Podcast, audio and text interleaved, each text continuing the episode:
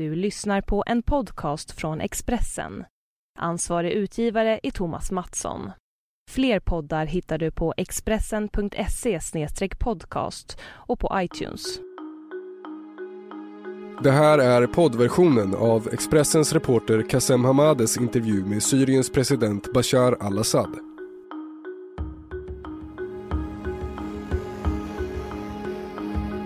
Syriens president Bashar al-Assad hyllar Sverige för att ha tagit emot tiotusentals syriska flyktingar under kriget. Men han varnar för terrorhotet mot Sverige och Europa. I en exklusiv intervju med Expressens reporter Kassem Hamade säger al-Assad att den syriska regeringen har information om Sveriges kopplingar till IS. De farligaste IS-ledarna i vår region är skandinaver, säger al-Assad.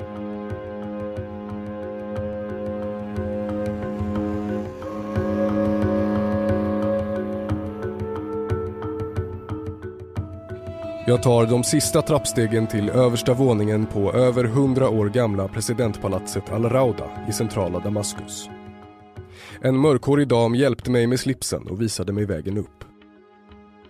Det är vår i luften och temperaturen ligger över 15 grader. Jag kan se gatorna i centrala Damaskus härifrån. Det är mycket trafik denna morgon. Jag har varit här i knappt en vecka och väntat på den här dagen. President Bashar al-Assad står ute på Patsion omgärdad av sina rådgivare, men utan livvakter. Jag sträcker fram min hand. Hans land är söndertrasat av ett krig som rasat i fyra år. Många miljoner drabbade. Miljontals flyktingar i landet och utanför. Över 200 000 dödade och många, många fler skadade. Vi byter några ord innan vi går vidare till kontoret. Han frågar mig om Sverige. Jag tackar för vänligheten. Han är lugn och nyfiken. Hela landet runt omkring oss brinner. Han har många fiender. Saudiarabien, Qatar och Turkiet. Jag berättar att jag har bevakat kriget i Syrien sedan början. Han försäkrar att jag är fri att ställa vilka frågor jag vill. Vi sätter oss.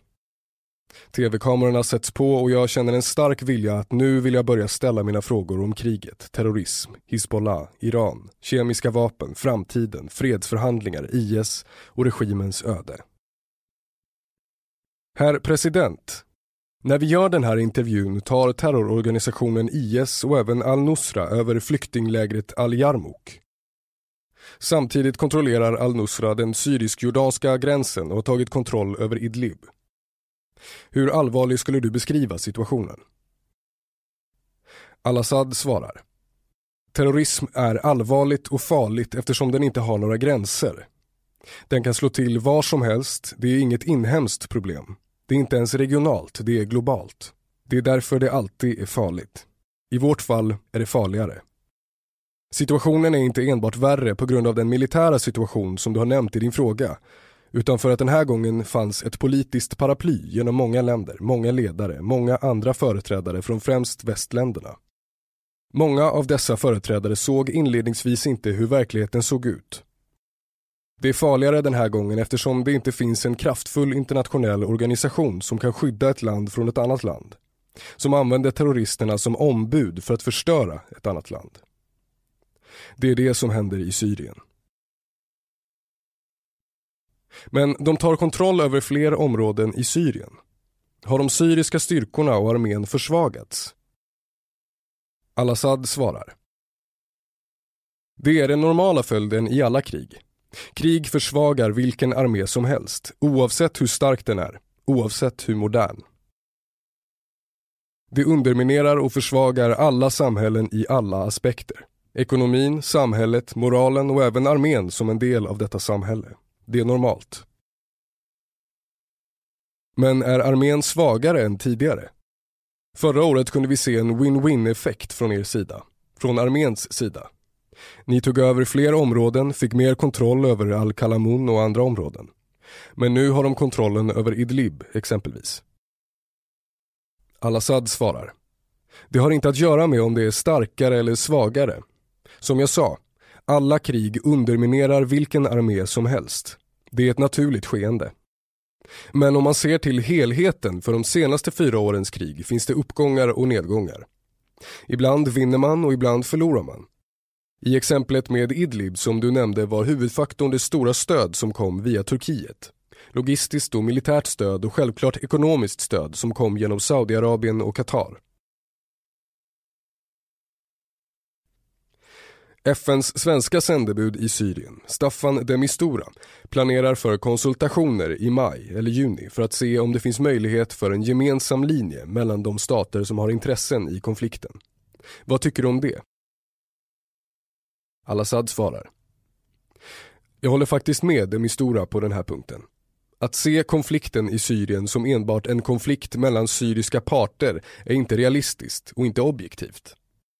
Problemet är inte särskilt komplicerat, men det har komplicerats av påverkan utifrån. Om det idag finns en åtgärdsplan att sätta i verket i Syrien och det var vad han ställdes inför med sin Aleppo-plan så kommer det att grusas av inblandning utifrån. Det var vad som hände i Aleppo. När turkarna sa åt terroristerna de stödjer och kontrollerar att vägra samarbeta med Demistura så jag tror att han vet att om han inte kan övertyga dessa länder att sluta stödja terrorister och låta syrierna lösa sitt problem, då kommer han inte att lyckas. Hur ser du på Demisturas insatser? Al-Assad svarar. Vi diskuterade Aleppo-planen med honom. På samma sätt strävar vi efter försoning i olika områden i Syrien. Det är här vi har lyckats och det är här vi kan göra förbättringar. Att få folk att återgå till sin normala tillvaro. När regeringen ger amnesti och de lämnar över sina vapen och så vidare. Så hans plan för Aleppo bygger på samma försoningsprincip. Vi har stått bakom den från första början och vi står fortfarande bakom hans insatser. Sverige är det enda landet i Europa som utfärdar permanenta uppehållstillstånd för de som flyr kriget i Syrien. Vad har det betytt och hur ser du på Sveriges inställning? Al-Assad svarar. Jag tror att det är något som uppskattas i hela världen, inte bara i vårt land.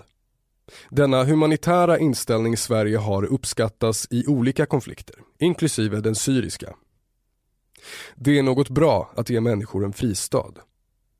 Men om du frågar det syriska folket som flydde från Syrien om vad de vill, så vill de inte fly från Syrien på grund av kriget. De vill ha ett slut på kriget. Det är deras mål och det är vårt mål. Att ge människor en fristad är bra, men det bästa är att hjälpa dem att komma tillbaka till sitt land.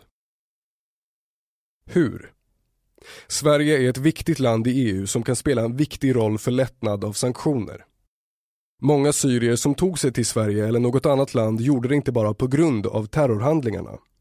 De gav sig iväg på grund av embargot. De kunde inte leva och de behöver det lilla som krävs för deras dagliga liv. De tvingades lämna på grund av embargot. Så att ta bort embargot som har påverkat varenda syriska person. Det tredje är att sätta press på länder som stödjer terrorister och förhindrar att fredsplaner sätts i verket i Syrien. Som Demisturas.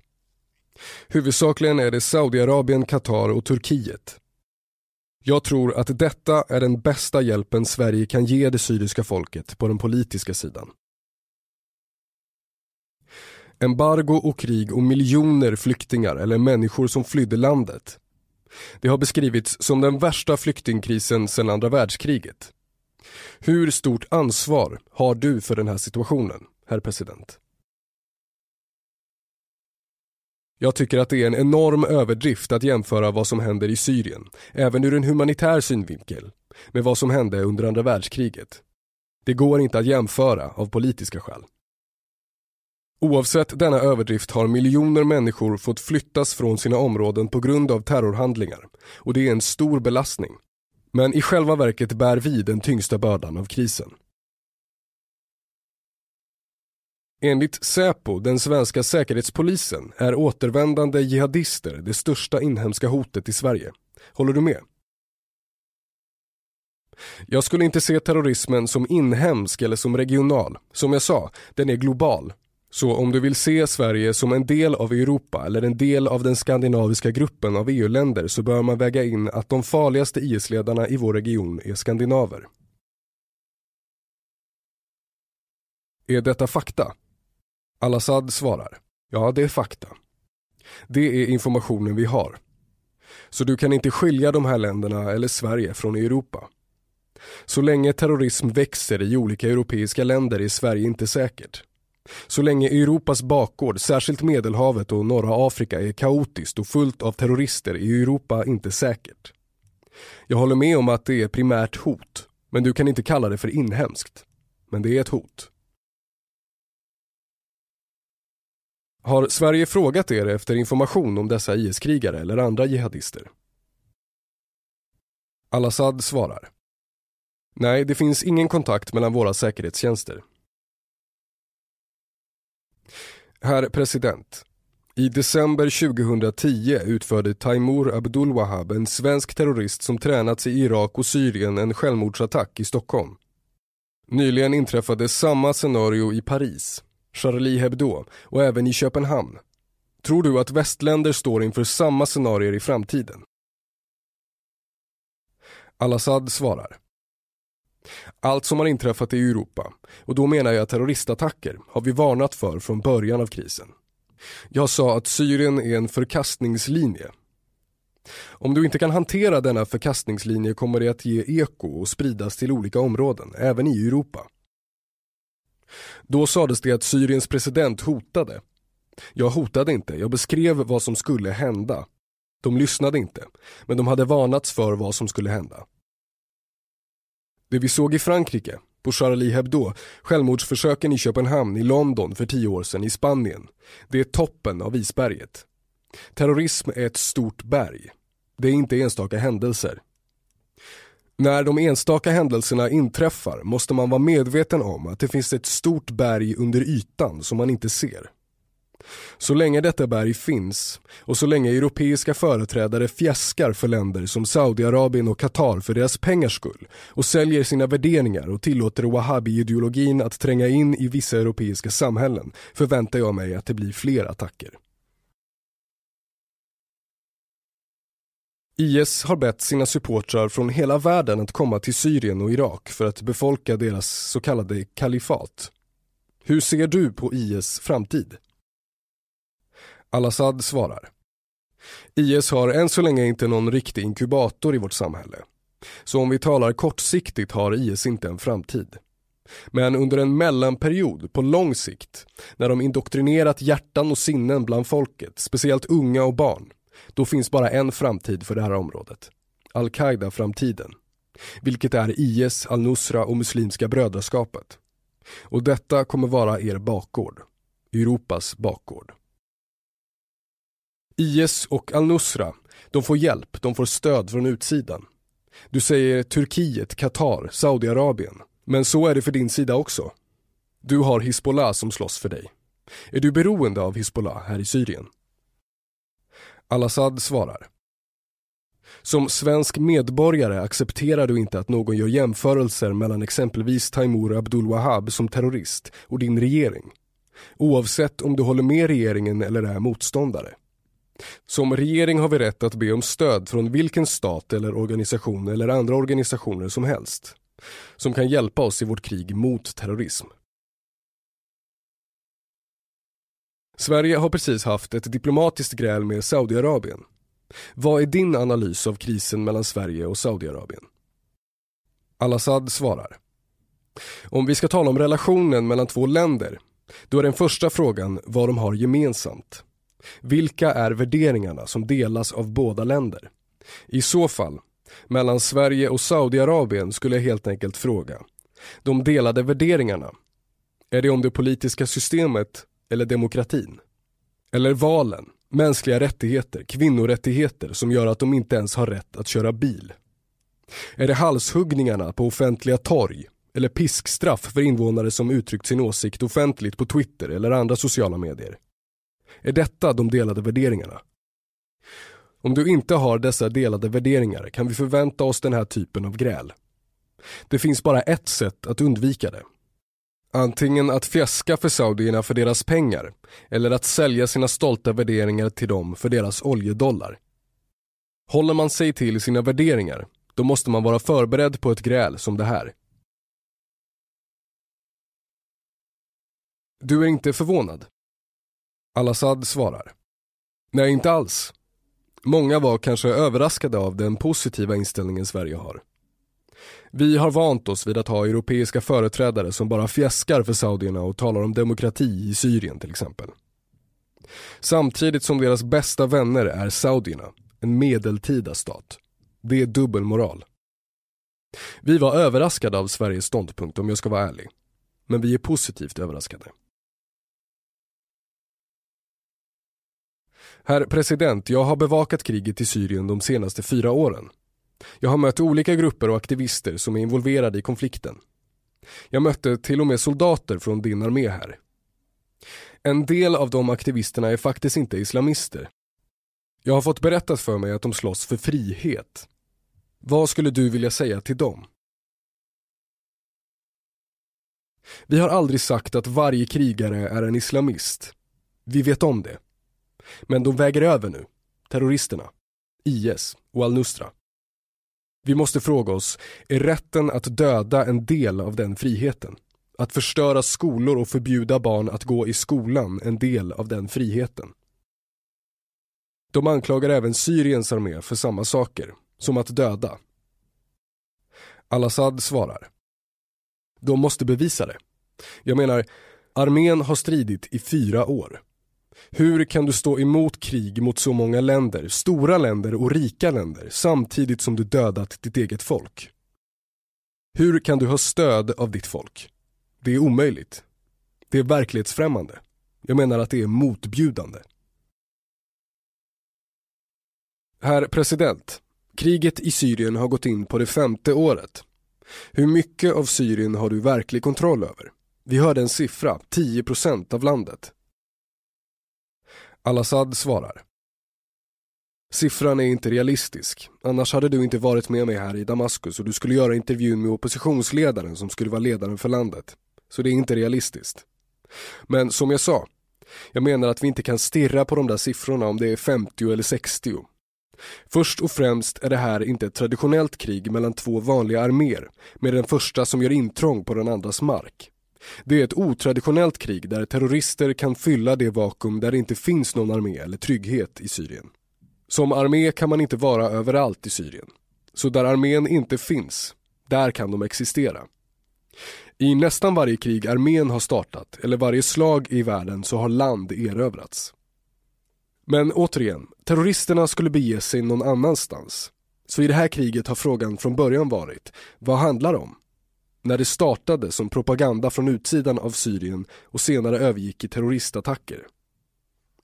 Huvudmålet var att erövra det syriska folkets hjärtan och sinnen, för det är det enda sättet att göra sig av med den här regeringen, den här staten eller den här presidenten. Det är här de har misslyckats. Jag tror att de har misslyckats för att det syriska folket var medvetna om vad som hände Många av dem står bakom regeringens motstånd mot terrorister och mot inblandningen utifrån. Jag skulle säga att majoriteten av det syriska folket stödjer sin regering och det är den kontrollen som vi kan tala om. Iraks armé kollapsade när IS gick till attack förra sommaren i Mosul. Det vet du om, herr president. Och den syriska armén håller bättre kvalitet. Varför har du inte återtagit Raqqa från IS till exempel? Varför bara luftattacker? Därför i ett sånt grymt krig med terrorister som får stöd från ett tiotal länder runt om i världen och terrorister som kommer från hundra länder och rekryterar till Syrien. Har du ett litet land med begränsade resurser måste du göra en prioriteringslista baserad på militära kriterier. Annars kommer du att distraheras på varje plats i Syrien och du kommer inte vinna några slag. Så du sätter samman dina prioriteringar och det sista på den här prioriteringslistan är att ta tillbaka varenda del av Syrien. Oavsett om det är en stor stad eller en liten by. Oavsett om det är en tom plats eller en bebodd plats. Raqqa kommer att vara en av de främsta städer som vi kommer att ta. Men det är bara frågan om tid när det gäller den här listan jag talar om. Herr president, du anklagas ännu en gång för att ha använt kemiska vapen i Syrien. Två tester som utfördes för The Times och medicinska välgörenhetsorganisationer visar att dina styrkor använt klor och cyanid. Enligt The Times och även Amnesty International. Vad har du att säga om det?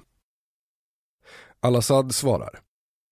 Vi har sagt från dag ett att detta är propaganda mot Syrien för att demonisera presidenten och demonisera staten och få det syriska folkets hjärtan och själar att närma sig deras agenda. Det fungerade inte och du kan jämföra denna propaganda med vad som händer i väst nu gällande Ukraina. Det är nästan samma sak. Putin demoniseras. Det berättas och ljugs.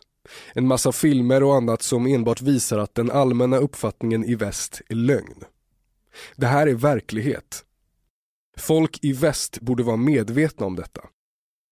Det betyder inte att vi inte begår misstag, att vi inte gör något fel. Men i slutändan ger inte den här propagandan en bild av verkligheten i vår region. Så att tala om kemiska vapen, det har inte ett endaste bevis för detta. Till och med siffrorna som har publicerats av flera europeiska organisationer som en del i den här propagandan har skiftat från 200 offer till 1400. Det betyder att det inte är objektivt. Det är inte precist. Och så här långt finns inga bevis att de människorna dödades på grund av den här attacken. Det enda beviset vi fick när kommittén kom från FN visade att saringas hade använts i området. Men de kunde inte säga hur eller av vem. Så de fortsätter bara anklaga Syrien för detta. Det är inte realistiskt. För om du vill använda massförstörelsevapen så dödar du inte några hundra. Då dödar du tiotusentals. Och det är intill huvudstaden, så det kommer påverka alla. Så många historier om det här är inte sant. För det andra var det vi som frågade FN om att skicka hit en delegation för att kontrollera anklagelsen.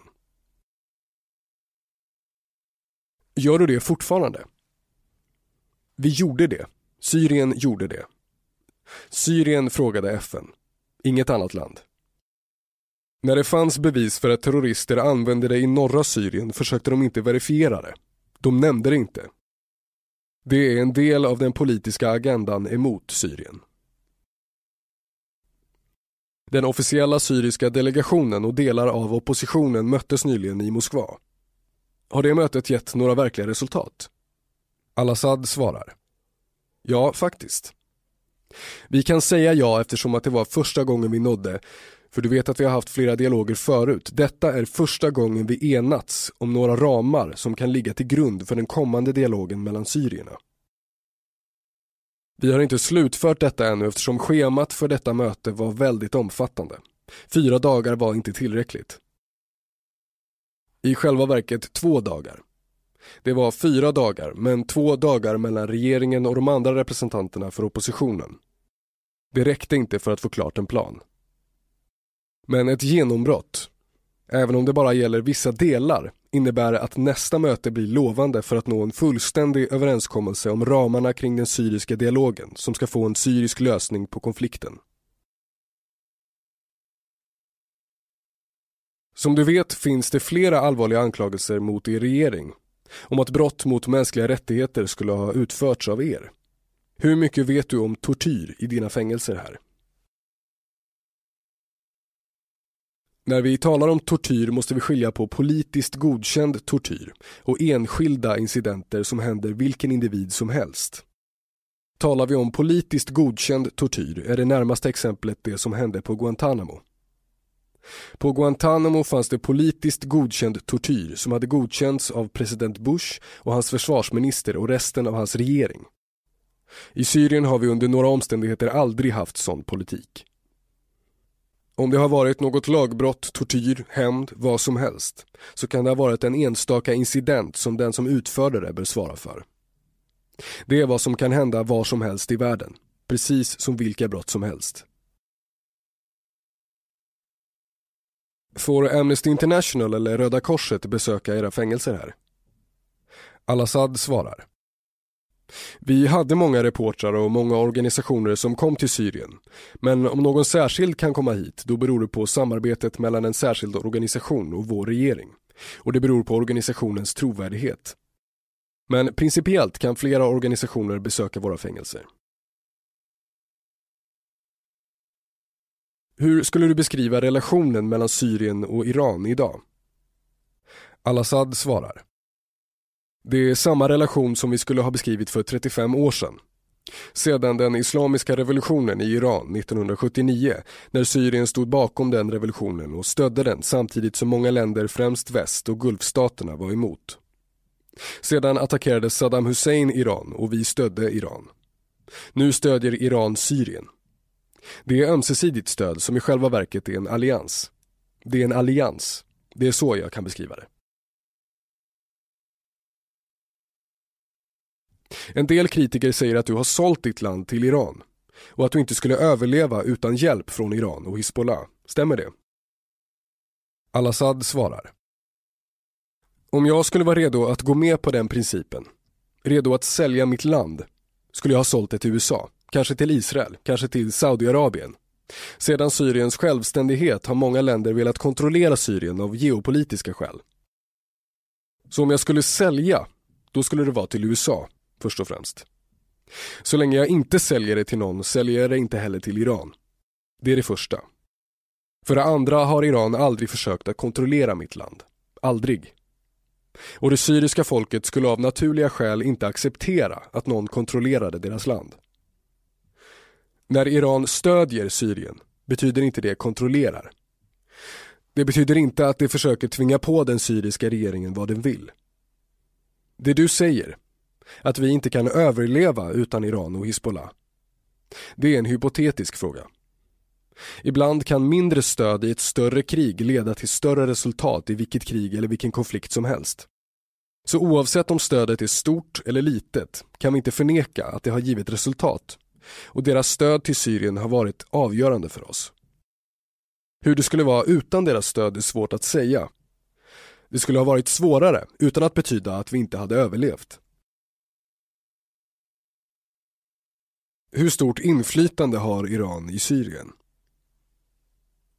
Al-Assad svarar. Det beror på hur vi ser på ordet inflytande eftersom inflytande kan vara positivt och negativt. Om vi talar om Frankrikes och Tysklands inflytande i Europa är det väldigt tydligt att en är en politisk makt och den andra en ekonomisk makt. Iran är ett viktigt land i vår region. Det är ett stort land, det är ett utvecklat land. Proportionellt i alla fall. Men jag skulle se det inflytandet som något positivt eftersom Iran är ett land som söker efter mer stabilitet för sina egna intressens skull. Alla länder har intressen, de har inflytande men på ett positivt sätt. Jag förstår att Iran är ett viktigt land för Syrien men behöver du hjälp från Hizbollah? Al-Assad svarar. Återigen, av samma skäl jag har nämnt. Även lite hjälp kan ha stor betydelse. Det är en anledning. Men vad gäller Hizbollah specifikt har de goda erfarenheter från otraditionella krig. I den här typen av otraditionellt krig är den här typen av hjälp inte kvantitativ utan kvalitativ hjälp. Ibland behöver man den kvaliteten som har en bra och stark effekt på vårt krig. Det har inte att göra med Hizbollahs storlek. Om du vill jämföra det med den syriska arméns storlek. De är små, men typen av krig och med erfarenheterna de har, då kan de ha en stark påverkan. Det är välkänt nu att Hizbollah är i Syrien. Hur mycket kontroll har du över dem? Al-Assad svarar. Alla parter som slåss sida vid sida med den syriska armén eftersom vi har syriska krigare som inte är i armén men som stöder den står under vår armés ledarskap. De har inte sina egna slag, en egen front eller fattar egna beslut. Alla slag kontrolleras av syriska armén, så vi inte har problem. Du hade Khaled Meshal. Han var i Syrien 11-12 år tror jag. Nu har han lämnat Syrien för Qatar. Relationen mellan Hamas och Syrien var inte så bra under kriget. Hur är den relationen idag? Al-Assad svarar. Det finns ingen relation alls, på varken formell eller folklig nivå. Jag skulle säga att de senaste händelserna i flyktinglägret Jarmuk bevisar att den delen av Hamas, som i huvudsak är en organisation i Muslimska brödraskapet, stöder Nusrafronten i Jarmuk. De stöder en terroristgrupp. Al-Assad svarar. Ja, de arbetar tillsammans. Delar av dem arbetar med al-Nusra. Det är därför Hamas ledarskap nu är i Qatar och ber andra sekulära palestinska organisationer att hjälpa deras grupp efter IS attack mot al-Nusra och Hamas-gruppen. Så Hamas i Syrien, det är historia nu? Jag tror det. Herr president, låt oss tala om USA och Ain al-Arab. USA attackerar nu IS från luften. I själva verket hjälper de dig. Hur skulle du beskriva det militära samarbetet mellan dig och USA, som ju ska vara din fiende? Al-Assad svarar. Min fiende är först och främst terroristerna. För det andra finns inget samarbete mellan Syrien och den amerikanska armén. Indirekt. Definitivt inget samarbete. Även om vi genomför lufträder i samma områden och ibland på samma exakta platser. Inte ens koordinering. Nej, ingen koordinering. Men jag kan säga att delar av det här är tillfälligheter. Den här attacken i alla fall. Första delen av frågan om att de hjälper oss, det är symboliskt, på pappret. I verkligheten gör de inte det. Medelantalet lufträder från alliansen med 60 länder, vissa av dem stora, är lägre än ett litet land som Syriens. Ibland genomför de färre än 10 lufträder varje dag och ibland genomför vi över 100 per dag. Ibland är det mer än 10 gånger så mycket.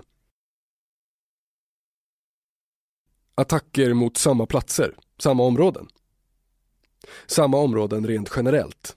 Men det är inte realistiskt, jag menar, gör de det här på allvar?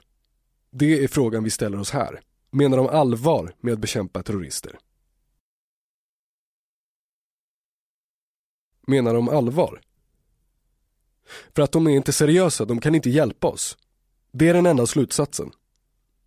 Om de menar allvar hade vi kunnat diskutera den här frågan på ett mer seriöst plan. Att ja, det är en del hjälp som har viss betydelse. Det tog dem fyra månader att frita en liten stad som ni kallar Kobani i era medier. Det skulle ta vår armé två, tre veckor i en liknande stad. Inget är fel med deras plan. I själva verket nej, de har inte hjälpt till. I verkligheten expanderar IS och al-Nusra hela tiden i olika länder. Så om vi ska tala om framgång eller hjälp, var är den? Vi kan inte se den än så länge. Men de har inte tillstånd att flyga över Syrien. Al-Assad svarar. Nej, det är olagligt. Vi har förklarat offentligt att det är olagligt och de har inte tillstånd. Herr president, hur ser du på Syriens framtid? Trots all smärta, förstörelse och blodspillan är himlen alltid blå ovanför molnen. Vi måste se det ljusa i den mörka bilden. Den här krisen kommer att få varje syrier att ompröva vårt samhälles brister. Till exempel, många fanatiker såg inte den tunna linjen mellan att vara fanatiker och extremist. Många såg inte den tunna linjen mellan extremist och terrorist.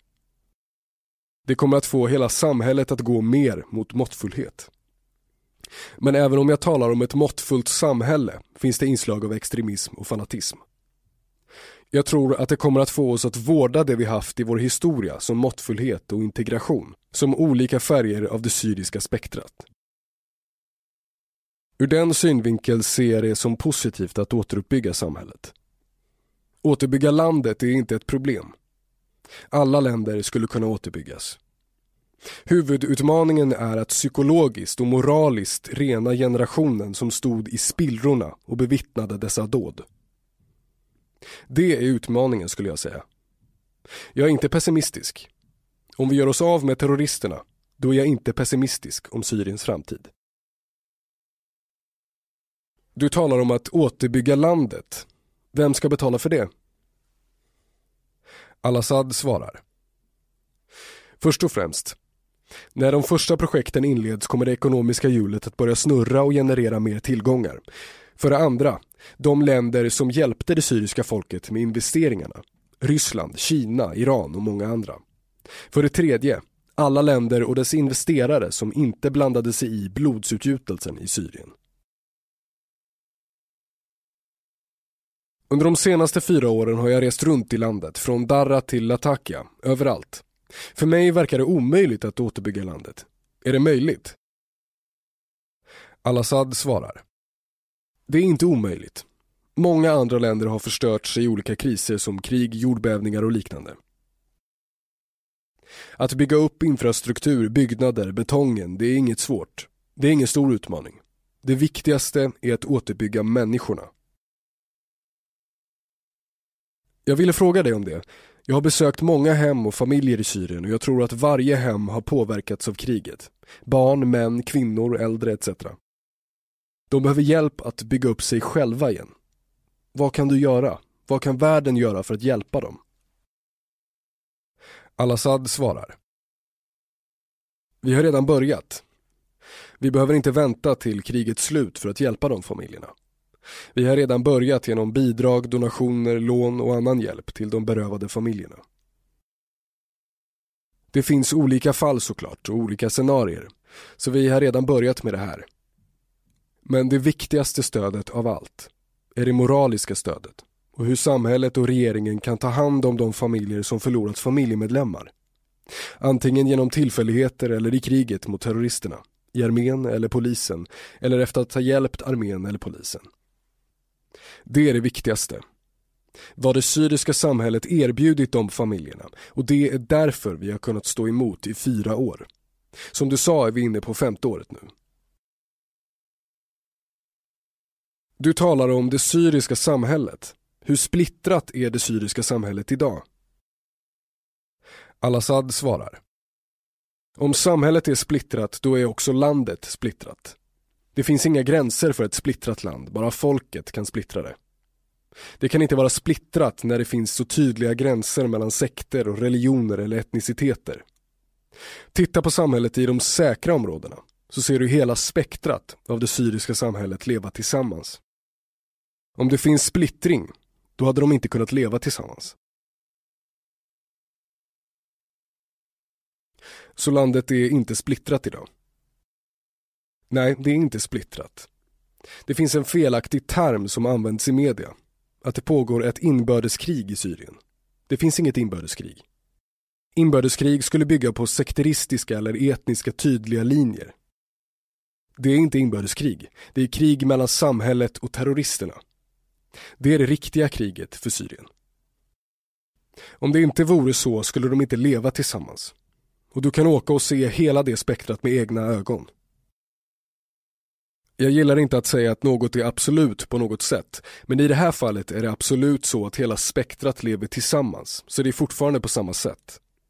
Jag skulle säga att homogeniteten idag är mycket starkare än innan kriget, på grund av kriget. Det syriska folket har lärt sig många läxor och är närmare varandra än innan kriget.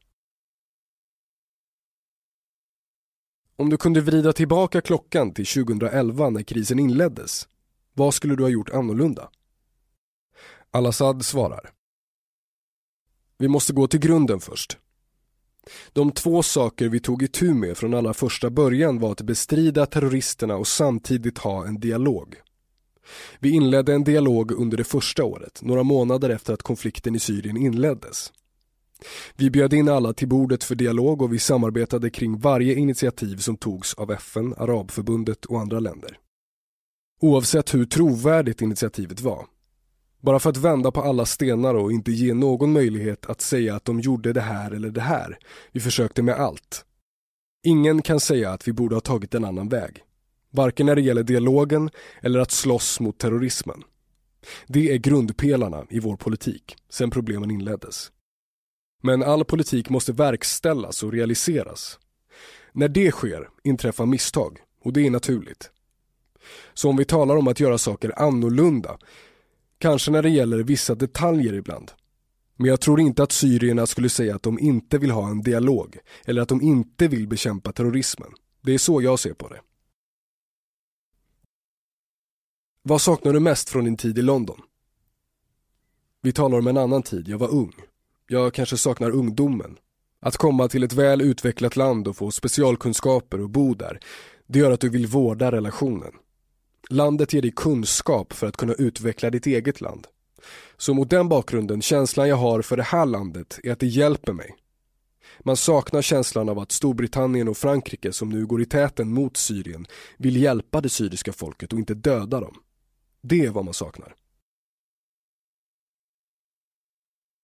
Herr president, du är inte bara president och läkare, du är far. Hur förklarar du för dina barn det som händer i Syrien? Al-Assad svarar. De lever i det här samhället, de är med sina kamrater i skolan. De ser på olika kanaler och använder internet och tar del av åsikter och dåd på samma gång. Man måste vara transparent för att förklara för dem vad det är som händer. Men det viktigaste i den dialogen är att fokusera på värderingar. Värderingarna i samhället kan inte tas för givna längre på grund av den situation vi har haft. När de ser hur människor dödas måste man fokusera mer på barnets goda vilja. Ser de terrorister som inte accepterar och dödar andra människor för att de inte har samma ideologi, då måste du fokusera mer på vikten av att acceptera andra oavsett ideologi eller tillhörighet. Det är den viktigaste dialogen mellan en far, en mor och deras barn i en kris som den här. Ställer barnen frågor om kriget? Det är ett samtal som jag tror finns i varje hem i Syrien. Det är vårt liv nu. Krisen är vårt liv. De ungas, barnens, äldres och allas liv. Vi vet, herr president, att du har förlorat vänner och även släktingar i kriget. Hur har det påverkat dig? Som vilken annan familj som helst i Mellanöstern är det alltid känslosamt. Relationen mellan familjemedlemmar, släktingar och vänner är varma relationer, varma band. Förluster påverkar djupt med sorg. Samtidigt ger det kraft att tänka på hur du kan skydda det hotade livet i Syrien. Det får dig att tänka på vad du kan göra för att hjälpa resten av syrierna. Känslorna jag har fått genomlida har miljoner andra syrier genomlidit också. Det kan vara en viktig drivkraft för att hjälpa resten av syrierna. Vad krävs, bortsett från ett mirakel, för att stoppa kriget? Först och främst stoppa påverkan utifrån. Jag sa tidigare att vårt problem här är inte så komplicerat. Lösningen är väldigt enkel, men det kompliceras av inblandningen utifrån. Få ett slut på det och få ett slut på strömmen av terrorism och terrorister som kommer från Turkiet via Saudiarabien och Qatar med hjälp av Erdogan själv. Få ett slut på strömmen av vapen och pengar till dem. Sluta vara ett paraply för terroristerna. Det är så det syriska problemet kommer att lösas under några månader. Det kommer inte ta lång tid.